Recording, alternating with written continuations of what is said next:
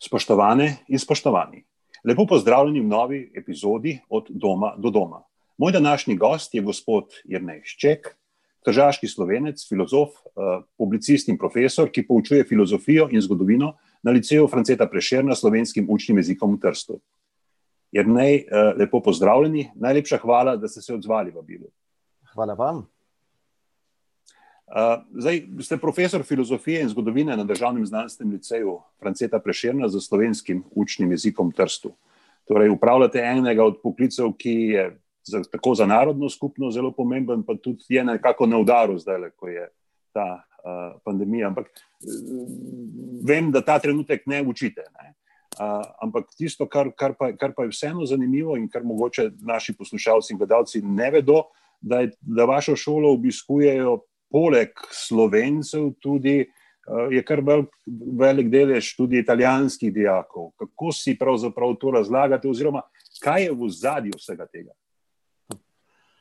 Marsikaj, seveda. Uh, slovenska šola v Italiji se uh, z naglico zelo spremenja in je pravzaprav neprepoznavna napram prejšnjim desetletjem, ko je bilo tako rekoč samoumevno, da bo tako imenovana slovenska družina upisala svojega otroka Eh, na slovensko šolo, od jaslit vse do uh, gimnazije, naših licejev ali pač tehničkih šol, vključno. Ta samoumevnost se seveda uh, izginja.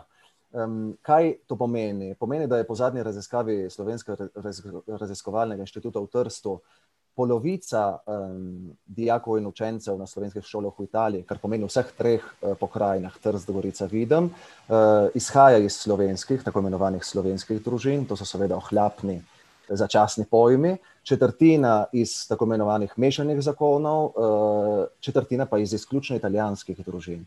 Eh, upam si trditi, da so seveda te eh, statistični podatki danes se prevesili, seveda ne uprit slovenstvu na slovenski šoli.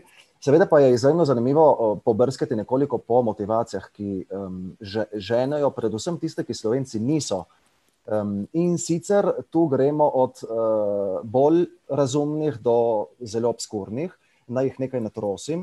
Uh, prva izmed teh je seveda uh, vrednota dvojezičnosti na dvojezičnem prostoru, kakršen je uh, zgornji Jadran.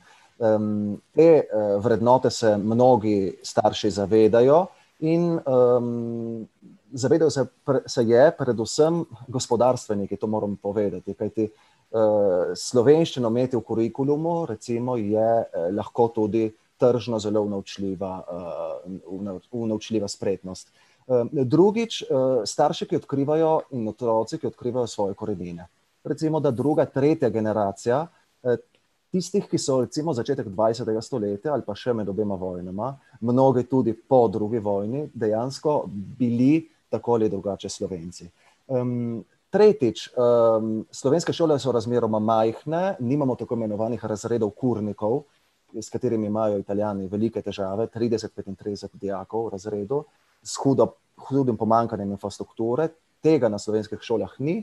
Um, slovenske šole štejejo, v Italiji štejejo za kvalitativno dobre, dobre šole, z, z dobrim učnim kadrom in tudi to so lahko motivacije. Da pridem tja do tistih obskurnih. To je primer um, šole v Romjanu na Goriškem, Vermiljanu v italijanščini, uh, osnovne šole, ki uh, ima večino italijanskih uh, otrok, upisanih, seveda z velikimi, si lahko predstavljate, didaktičnimi in pedagoškimi izzivi, težavami, da ne rečemo, kajti na, na tisti slovenski šoli slovenščina ni več prvi jezik. Ne? In kaj se dogaja? Sem šel pobrskati za uh, motivi, Dogaja se sledeče. Bližnje mesto, Tržič, lededelniško mesto, ima zelo močno skupnost um, delavcev, uh, polsuzemskih uh, delavcev iz Bangladeša in okolice. Italijani raje upišajo otroka k slovencu, kot da bi imeli uh, soseda iz, iz neke azijske države. Ja, to so pa. te situacije si dejansko nisem predstavljal. Ampak vsekakor tisto, kar, kar, kar mi je jasno, v bistvu iz vsega, kar počnete, je, da uh, slovenskim šolam Italiji pripisujete zelo velik pomen. V enem od intervjujev ste celo dejali, da šole predstavljajo edini rešilni čovn slovenske skupnosti v Italiji. Pa imajo mladi, po vašem, pravzaprav ustrezen oziroma zadosti interesa in motivacije za ohranjanje slovenskosti, uh, ker to nedvomno terja veliko časa in truda in ni samoumevno. To v današnjem času to ni najbolj preprosta opcija, uh, najverjetneje nikjer. Ja, um, tu je seveda več vidikov. Prvič, mladi so otroci, ki postajajo odrasli. Torej, mladi so takšni, kakršni se z njimi obnašamo. Uh, jaz se sicer ukvarjam s starejšimi mladimi, od 17 do 19 leta, torej tistimi, ki so mno, z mnogimi, ki so že, uh, ki so že, ki že stopajo na volitve, da bom tako rekel. Um, in torej to je en vidik. Drugi vidik pa je manjšinskost, o kateri ste prej govorili. Za manjšince ni nič samoumevno. Vse je pridobitev, je sad nekega zavestne odločitve, nekega napora, truda in če hočete ozaveščenosti. Zdaj na slovenski šoli se dogaja, um, seveda, um, imamo opravke z velikim demografskim problemom. Um, statistike preomenjenega Slorja uh, pričajo o 4500 učencih in dijakih eh, na slovenskih šolah v Italiji, vseh stopenj, kar je seveda razmeroma majhna številka, neprimerljiva številka za recimo 60 milijonsko državo in to je eden od problemov, s katerimi se soočamo. Ne. Gre za to, da je potrebno pač se utemeljevati na svoji zemlji, je? na zemlji, ki nismo nikdar zaposlili, ampak kjer smo zaradi spleta politično političnih okoliščin pač ostali pred ali za mejo. Recimo, torej, soočamo se s kvantitativnim problemom, predvsem pa mislim, na, predvsem pa imam sam to manjšinskost za nekaj zelo vzgojnega. Lede, eh, dogaja se, da ravnatelji, tajnice, tajniki pač v šolah um, osebno kličajo starše otroke uh, ob njihovih izbirah uh, upisih, recimo, iz, o, o prehodih iz ene stopnje v drugo stopnjo. Torej, rešujemo posameznike. Ne? Če rešiš posameznika, če rešiš človeka, si rešil v svet, pravi znameniti talmudski pregovor. In to mi doživljamo vsak dan, nekje. Ne? In od tod, recimo, trdim, sam te manjšinskosti ne bi zamenjal za nič na svetu, ker imam za eno rodovitno zemljo, iz katere lahko zrase dejansko bolj ozaveščen, bolj buden državljan. Ja, eh, v bistvu je zgodovina naše narodne skupnosti v Italiji pestra. Eh, pač nekaj takšnih menikov, tudi mednarodni sporazumi, kot je Rapalska pogodba, Londonski sporazum, Ozimski sporazum. Ampak v bistvu bolj me, bolj me zanima, kako pa vi vidite v bistvu tiste ključne stvari, ki so se zgodile in kako je v tem kontekstu, tem geopolitičnem, mednarodno-pravnem uh, situacije oziroma z, z narodno skupnostjo danes. Tako bomo rekli. Mm, pol preteklost je pač naša sedanjost. Ne? Človek, ki živi na obrobju, česar koli že, pač se konstituira na podlagi tega, kar se mu je zgodilo. In v 20. stoletju se je um, primorskim slovencem zgodilo toliko, da se ne vidimo uh, ven, morda še danes ne. Recimo. Zgodilo se je predvsem to, da je um, fašistična ideologija zelo spretno in pravzaprav moram priznati, modro, eh, čeprav skrajno zlobno razumela, da za to, da človeka ubiješ, mu ni treba nujno odzeti telesa, kar pomeni ga fizično ubiti. Ampak je dovolj in je morda še huje, če mu vzameš identiteto, imena, primke, jezik, torej vse, kar, ga, kar človeka dela to, kar je. Zdaj, to nas kaj pa določa, ne gre drugače. Mussolini je uspelo v nameri, da bi obglavil slovane na zgornjem Medranu. Tako rekoč. Ne? Torej, nas so iz dneva v dan, iz dneva, da, iz, iz dneva v dan definirali kot tuje rodce. Um, na domu, torej na kraju, ker odkora sem nikar, nikdar in nikamor nismo premaknili. Ne? In torej ta izkušnja je logično nas določila, določila nas je prvi povojni čas, določen nas je Exodus in vse preomenjene pogodbe, ki seveda utemeljujejo zaščito manjšin v enem evropskem prostoru. Na zadnje je na samem vrhu temeljnih načel italijanske ustave zaščita jezikovnih manjšin in torej to je po svojem uzakonjeno. Zaščitni zakon 38, državni zakon iz leta 2001, je pač dokončno rešil zadeve, tako rekoč vse. Problem je seveda ta, da, se, da je iz tega treba prestopiti k dejanjem in tu imajo naši gostitelji velike težave. Ne? Zdaj, seveda, če govorimo o zaščiti manjšin, v tem primeru slovensko v Italiji, ne, ne moremo onkraj Evrope. Vprašanja Evrope in, njenega, njene situacije, ker sam trdim kot velik evropejist, zagrizen in pač prepričan evropejist, da se bistvo Evrope odvija na njenih obrobjih.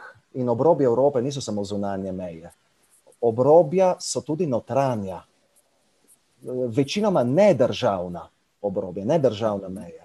In v središču Evrope se dogajajo obrobne mejne situacije, recimo na Zgornjem Jadranu, na Limesu, meji, ki že stoletja uh, miruje, tako rekoč, med slovanstvom in latinstvom. In to so, trdim, evropski problemi. Um, lahko bi rekel tako, da je do leta 2010, ki ga sam pač postavljam kot mejnik s srečanjem treh predsednikov v Narodnem domu v Trstu ob 90-letnici in um, znamenitim pač koncertom Mutija, um, do tiste točke smo imeli pač občutek, da Evropa um, ve, kaj je.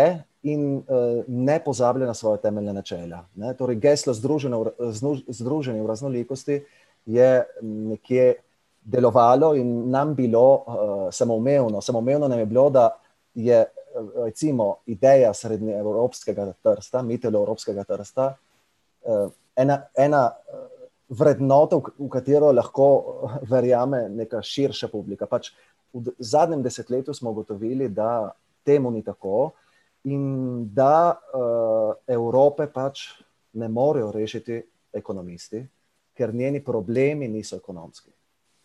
Ampak nje, problem Evrope je duhovni problem, je filozofski problem. Ni toliko strankarski, je političen.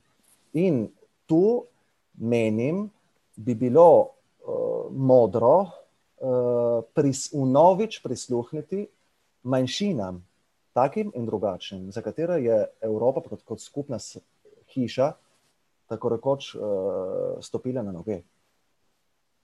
Mhm. No, jaz, jaz se strinjam v bistvu z, z, z tem, da so manjšine problematika, s katero se bi pravzaprav Evropa morala bolj, bolj ukvarjati, še zlasti Evropska unija. Ne?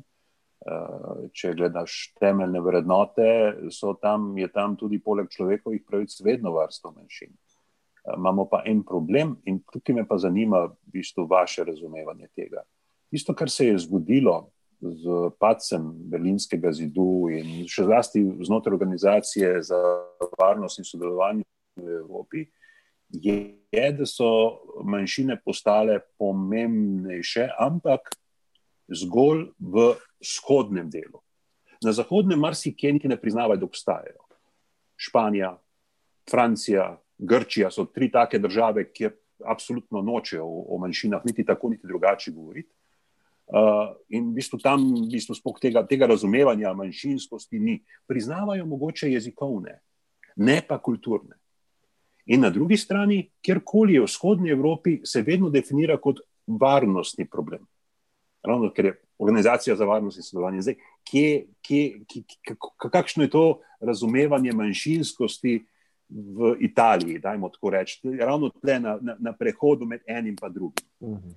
Eh, dvoje bom povedal. Prvič, imamo velike težave uh, utemeljevati uh, svojo polnomočno pač pripadnost uh, določenemu kraju. Recimo. Torej, utemeljiti uh, pojem avtohtone uh, etnične narodne skupnosti.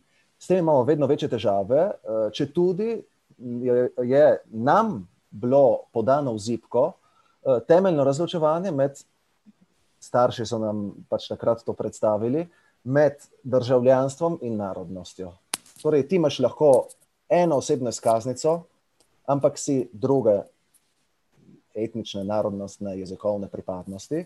S tem, da tu gre dodati še eno drugo zadevo, za kar je tudi država Furlanija, Julijska krajina, avtonomna država in kar dejansko našo manjšino, Tirolce na Gornjem Podižju, razlikuje od ostalih skupnosti, recimo od kakih Albancev v Apuliji.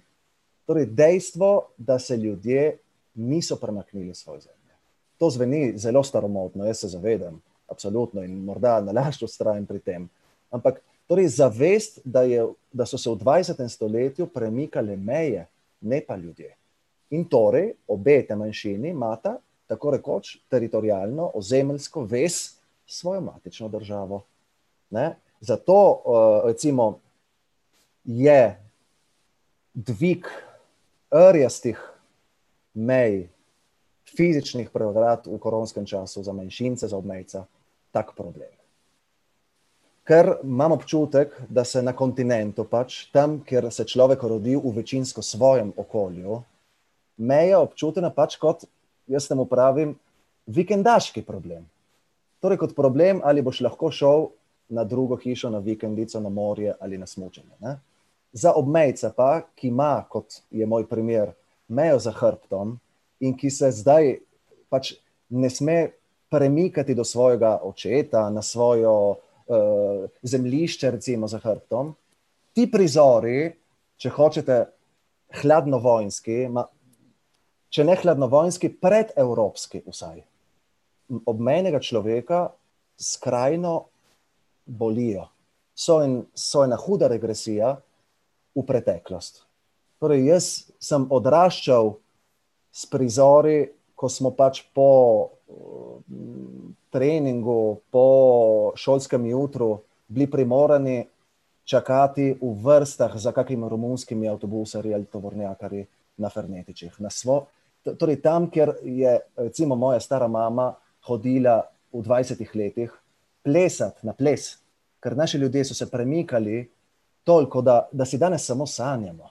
Mi se premikamo, ampak ne z duhom in kulturo, Mi gremo po nakupe, gremo po džinse, gremo po parfume, gremo po, uh, na letališče do rok. Ampak tam vmes, na tisti nikogaršni zemlji, so ostale take zareze in tako kulturna brezna, da jih naša preteklost ne pomni. Da jih moja stara mama ne bi mogla razumeti.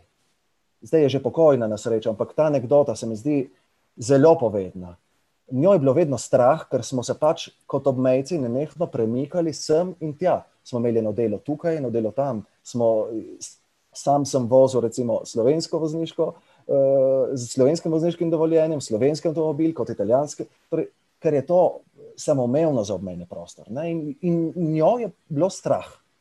Kje ste vi, uh, kako bo z birokratskimi problemi? Jaz sem izkušal dopovedati, madra, manona, in pač pravimo. Ne? Ti ne razumeš.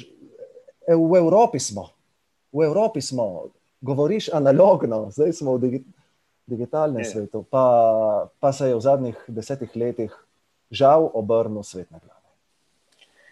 Ja, še eno, eno tako zadevo, v bistvu, ki je tudi, bom rekel, matica ne razume. Ne?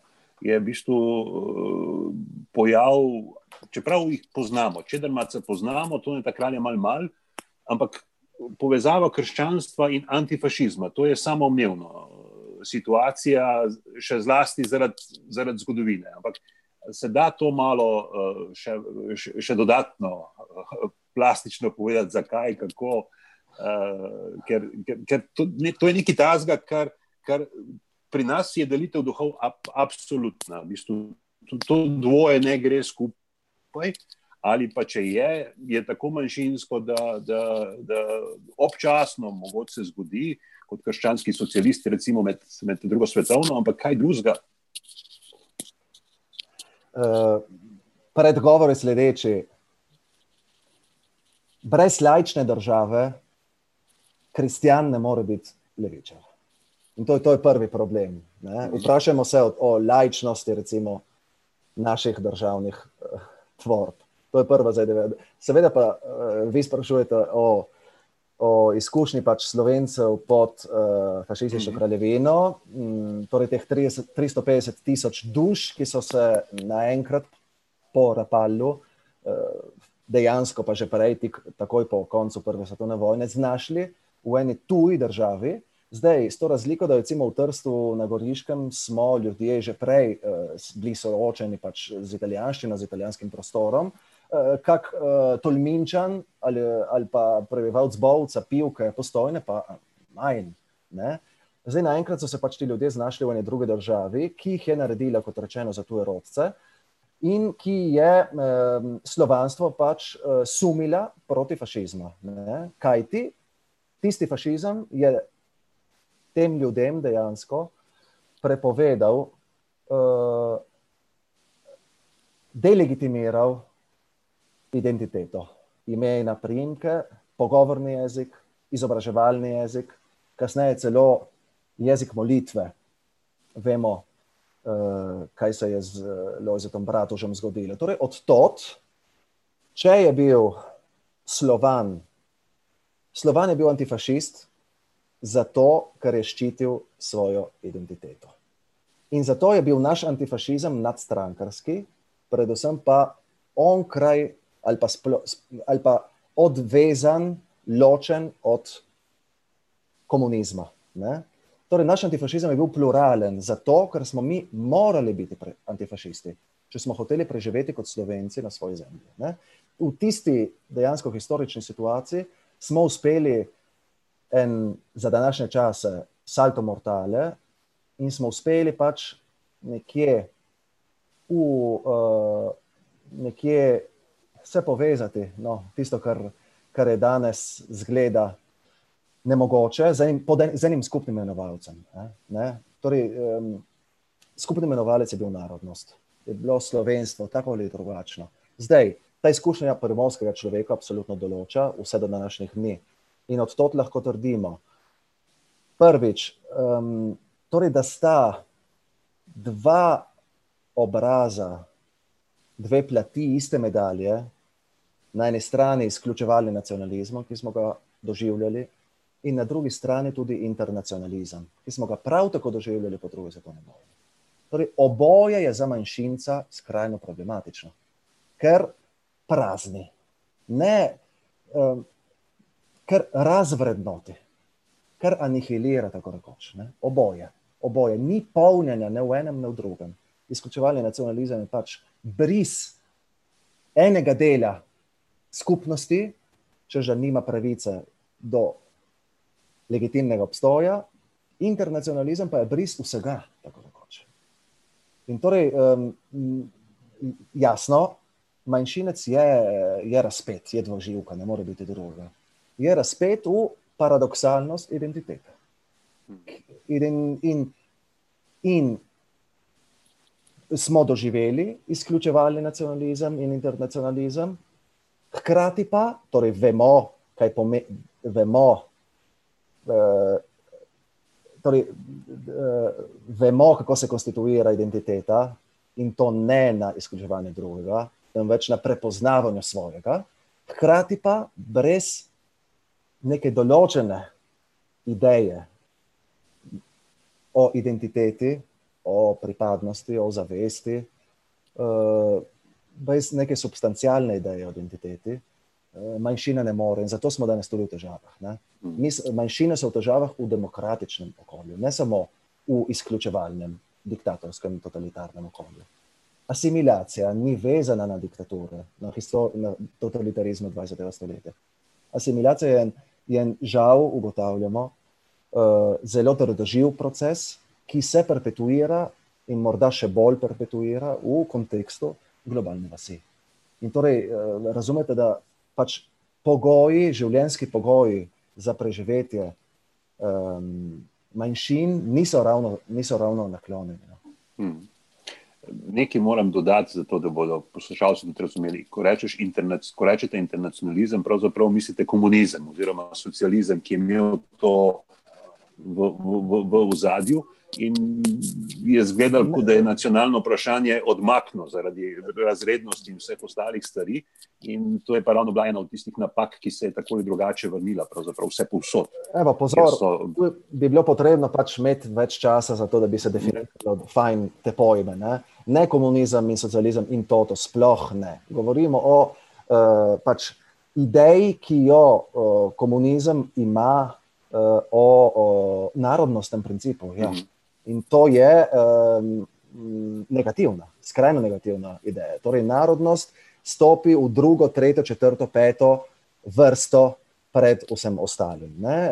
Proletarci vseh držav, združite se, tisti, da moramo reči, socialni, um, socialni uh, karakterizator je v ospredju, vse ostalo gre v drugi plan. Zdaj, te, mhm. te um, te nazorske, da moramo reči, uh, vsebine, um, se tako rekoč niso premaknile. Mi smo z obema nogama v 20. stoletju. Kljub temu, da nekateri trdijo, da je konec ideologije in tako dalje. Jaz se s tem ne morem strinjati. In dejansko imamo, imam sam, recimo, ravno s tem težave. Letos poletje ob dogodkih na, ob Narodnem domu in vsem, kar je šlo zraven, pač, uh, sem jaz imel velike težave ravno to dopovedati. Kako je mogoče biti neizključevalen in hkrati zavezan določeni identiteti. Ne? To je, recimo, vam dam samo referenco, razčistil na tak način, da boljše ne, ne, ne more nihče. Humanist Enej Silvi Pikolomini, ki je bil sredi 15. stoletja, dve leti, tri leta tudi tržaški škof in eden najbolj zaslužnih v stiku pač v, um, v stiku zaradi njegovega zavezništva s Habsburžani za ustanovitev Ljubljanske škofije. Torej na, tej rela, na tej relaciji so tekli ljudje, so tekle informacije, je tekla kultura. In človek, o tem človeku je pač napisal najlepši roman Držačan ali Srebula, Zeleno zgnanstvo. In v enem od, odlomčiču, Pikolomini, ravno to pravi, tedaj se je šlo za uh, problem turških upadov, ampak imenujte ga drugače migranti, imenujte ga kako hočete. Eh, filozo snovno, substancialno se problem ni spremenil. In se v tem prizoru, bom zelo hiter, pač pogovarjata Pikolomini kot eminenca, cel situ, da mu pravi Rebula, z nekim uh, tržaškim slovenskim duhovnikom, Tilnom Kontovelskim, ki pač benti in se jezi nad temi Turki, ki vdirajo v Srednjo Evropo. In Pikolomini mu kot humanist odgovori, Glej, dragi Tilen, ne gre za olje, ki naj se zliva na neke butice. Ne gre za to, da bomo se mi rešili, če bomo čez obzidje naše identitete metali vrelo olje.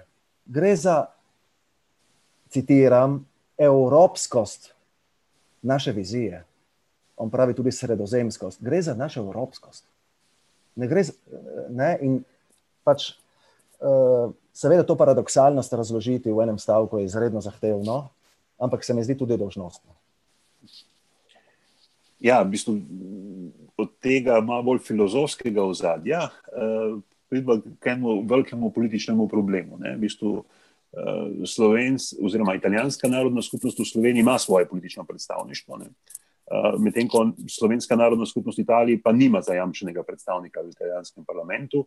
Edina predstavnica trenutno mm, slovencev Italije je doktorica Tanja Rojc iz Trsta, Tatjana, ki je leta 2000, ja. tati, pardon, Tatjana, uh, ki je leta 2018 na listi demokratske stranke bila izvoljena v senat in to je najverjetneje del problema, njeno razumevanje tega zagotovljenega predstavništva.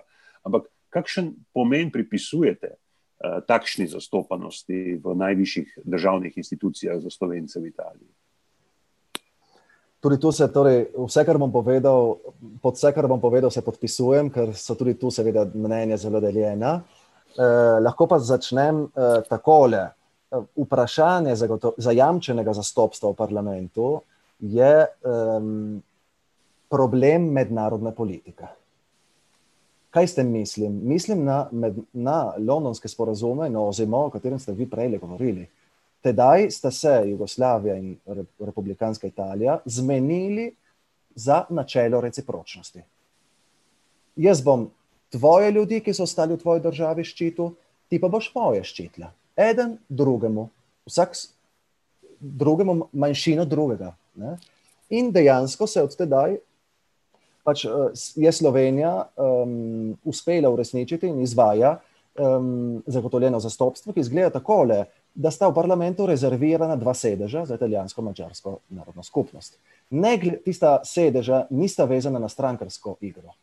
Torej, se tam se predstavniki ne pojavijo zato, ker bi jih kdo izvolil po strankarskem principu, ampak zato, ker je manjšina vrednota.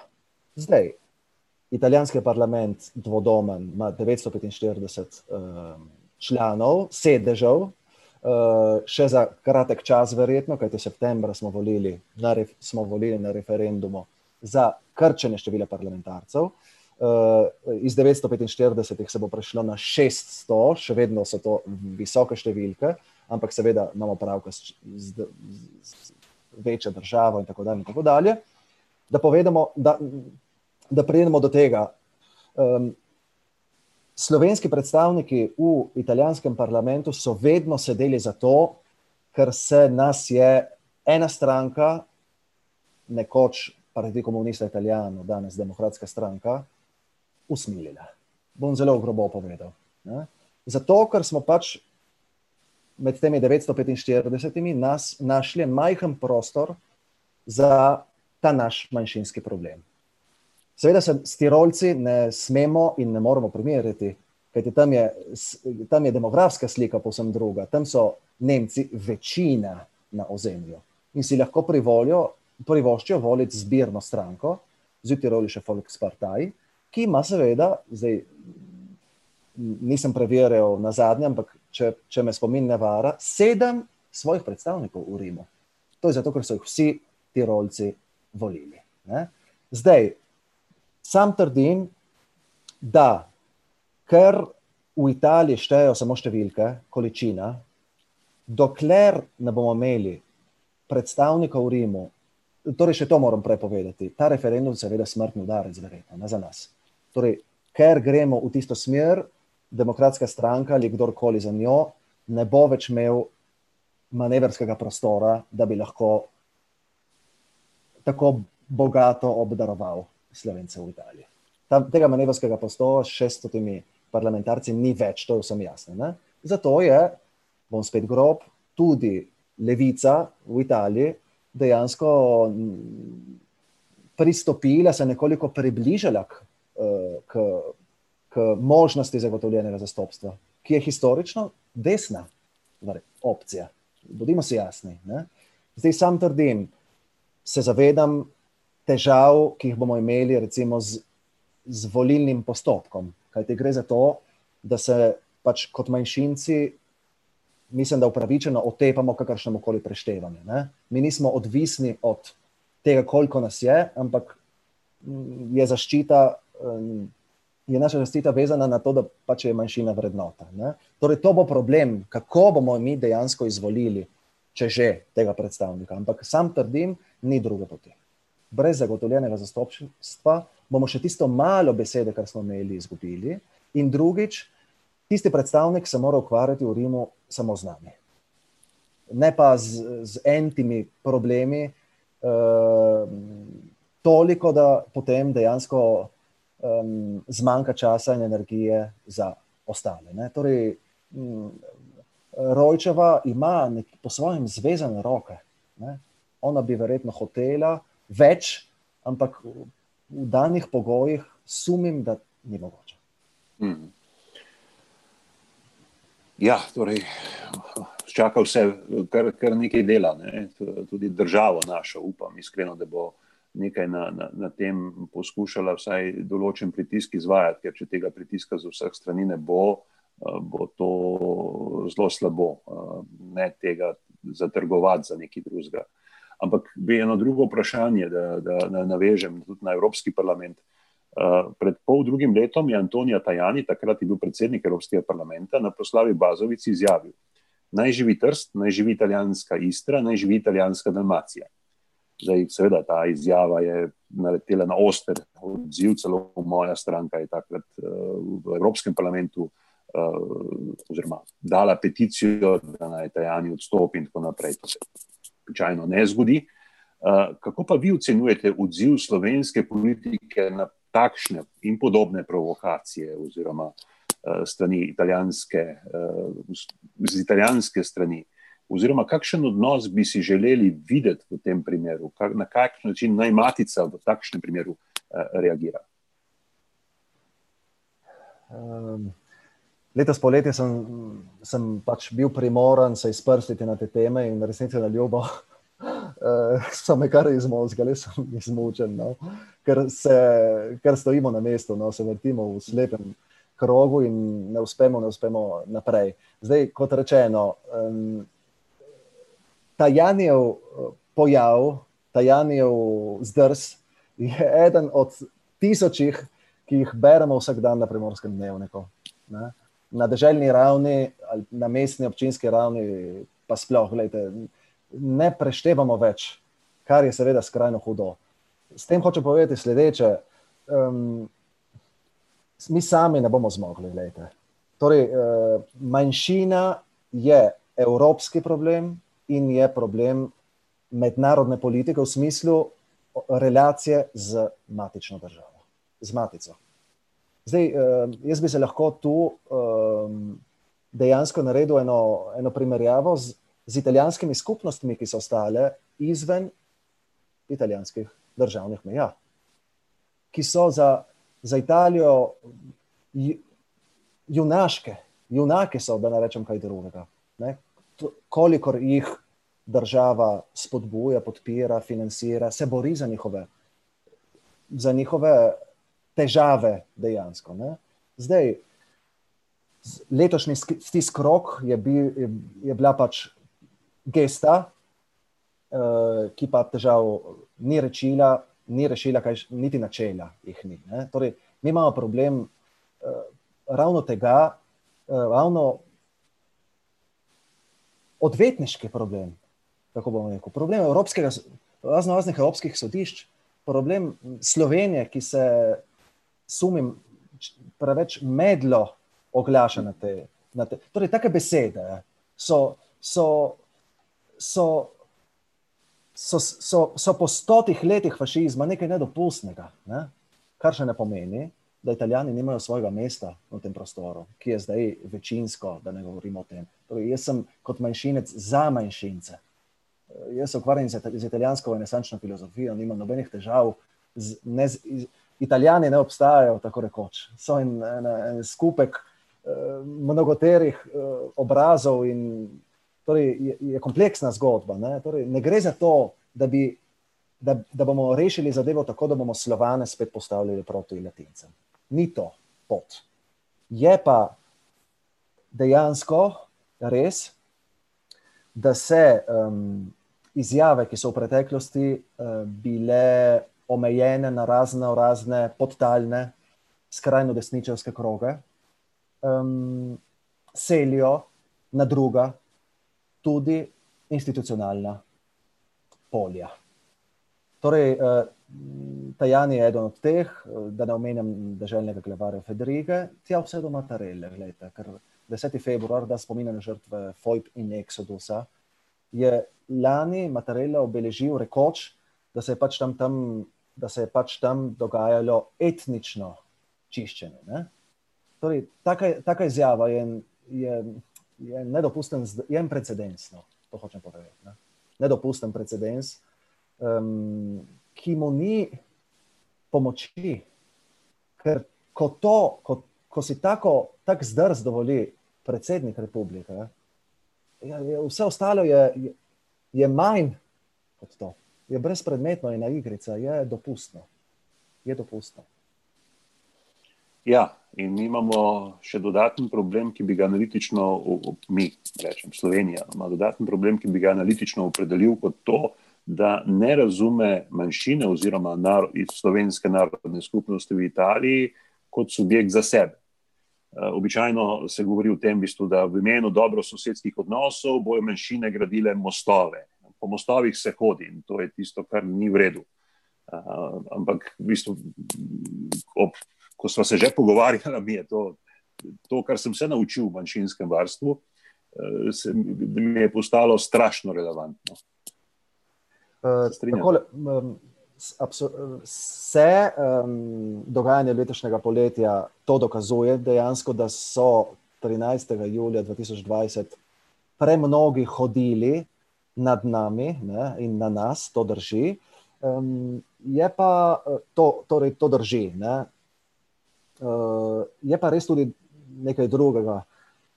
Kot rečeno, Trst, ne samo kot manjšinsko mesto, je, kot pristanišče in kot mittelevropsko mesto, uh, mora v novič uh, oživeti, odkriti relacijo z osrednjo Evropo. Tisto re, relacijo, ki, je, ki mu je dal vdahnjen smisel. Torej, Trst ima smisel strateško, geopolitično, samo če ga vežeš z srednjo Evropo. Sicer je eno od tolikih obrobnih italijanskih pristanišč. Ne? In to relacijo je treba, in v tem smislu pač most, Trst, Ljubljana, gremo naprej, Budimpešta, Dunaj, eh, v tem smislu mostovi pač uh, potrebujemo že. Um, mostove potrebujemo tudi v kulturnem smislu, uh, mislim tu recimo na uh, dvojezičnost, ki je na neverjetna. Uh, En neverjeten privilegij, lahko rečemo. Torej, to, da se sproščeno, naravno uh, giblješ v dveh uh, jezikovnih svetovih, je nekaj neprecenljivega. Recimo, ne? uh, zdaj, torej, tu imamo odprto pot v slovanstvo, kot rečeno, in v latinstvo, in tam se ti res odpirajo uh, neverjetni svetovi. Ne? Torej, v tem smislu mostovi absolutno da, in manjšine lahko pač nudi neko brv, če hočete, ne? zato da se ta, te mostove veže. Ne? Ugotavljam, da, da, Slovenija, da se Slovenija obrača drugam v kulturnem smislu v nemško govoreči prostor. Ne? Je dovolj to na, na, na, na mnogih ravneh, no, od intelektualne kulture, ne, torej od dostopnosti virov, recimo, zdaj govorimo o področju humanistike, s katero se ukvarjam, tja do večernih poročil, je dovolj gledati, odkot se črpajo informacije. Pač, torej, stvari, relacija je nemški, nemško govoreči prostor. Ne. Slovenija mora odkriti svoj zahod.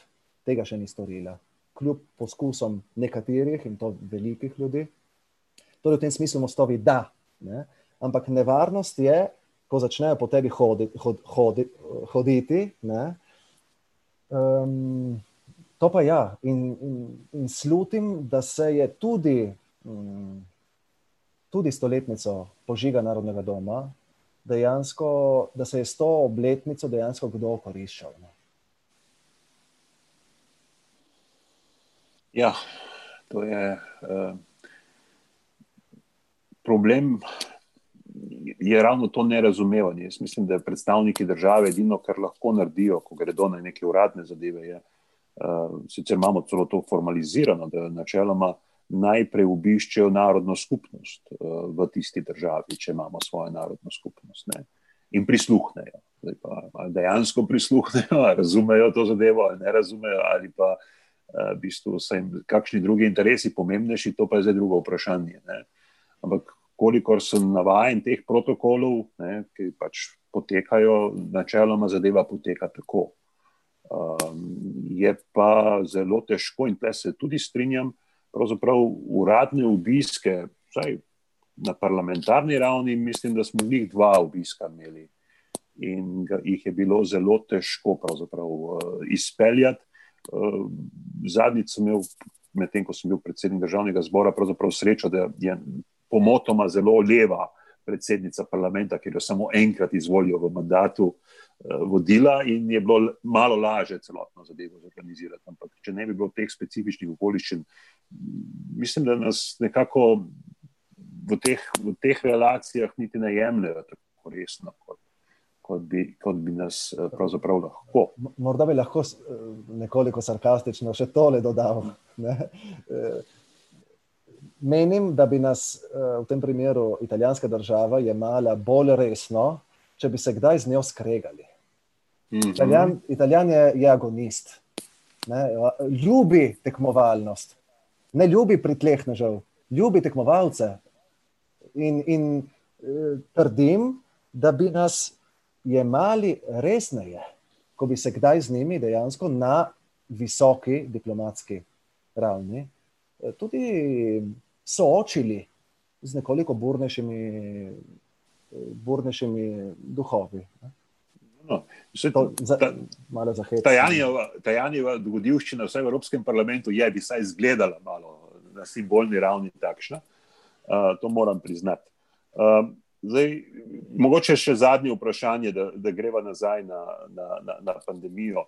Uh, zdaj, delno ste že upisali to zadevo, kako, to nekako, kako se vračamo v preteklost, ravno z, z tem, ko so meje naenkrat zopet oživele.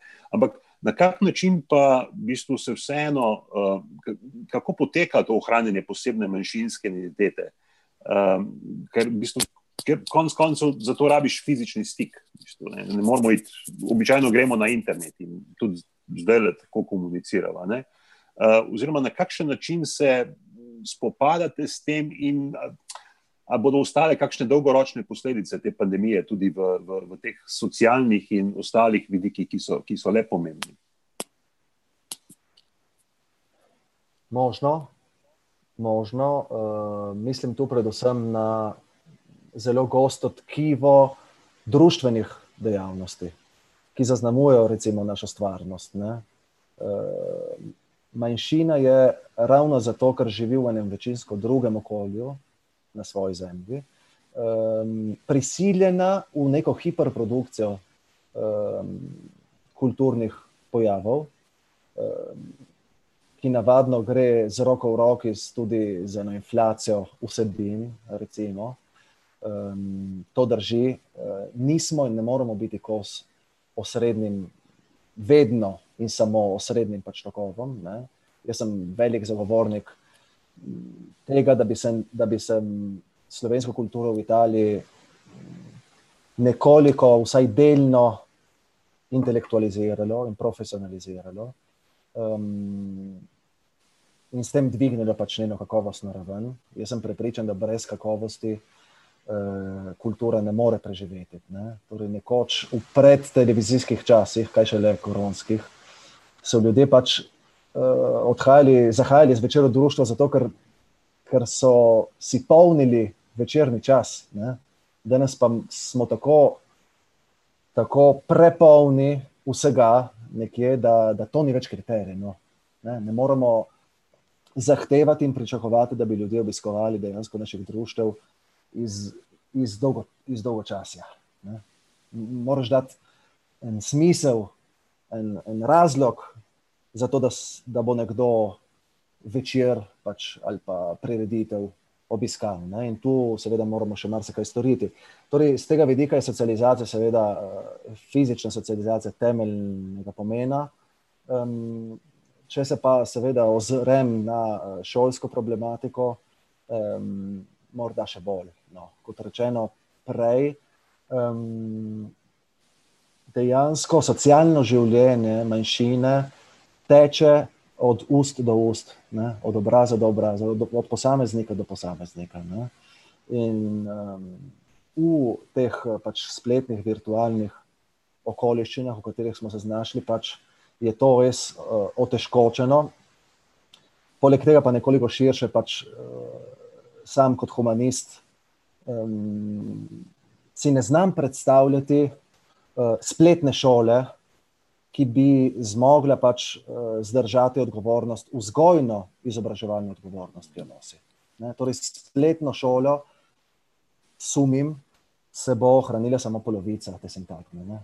Izobraževali se bomo ne? in o vzgoji pač ne duha, ne sluha. Ne? O vzgoji mislim v najširšem možnem pomenu. Ne? To ne pomeni indoktrinacija, to pomeni poslovenjenje uh, dijakov in učencev na slovenskih šolah. Ne gre za to sploh ne gre za to.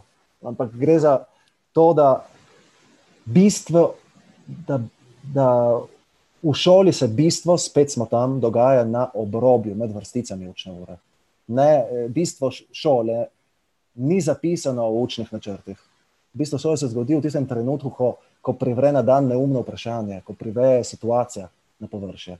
Takrat človek raste. Ne? In uh, sam ne vidim vzgojnih, uh, vzgojnih pogojev no, v tem spletnem okolju, v katerem smo se znašli. Žal. Ja, čas naj vseeno malo preganja, v bistvu.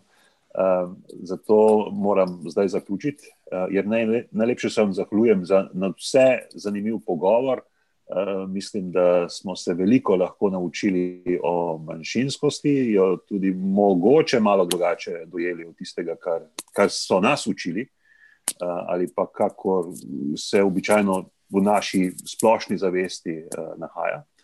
Vam, gledalke in gledalci, pa se zahvaljujem za to, da ste nas spremljali in zopet vabljeni čez 14 dni.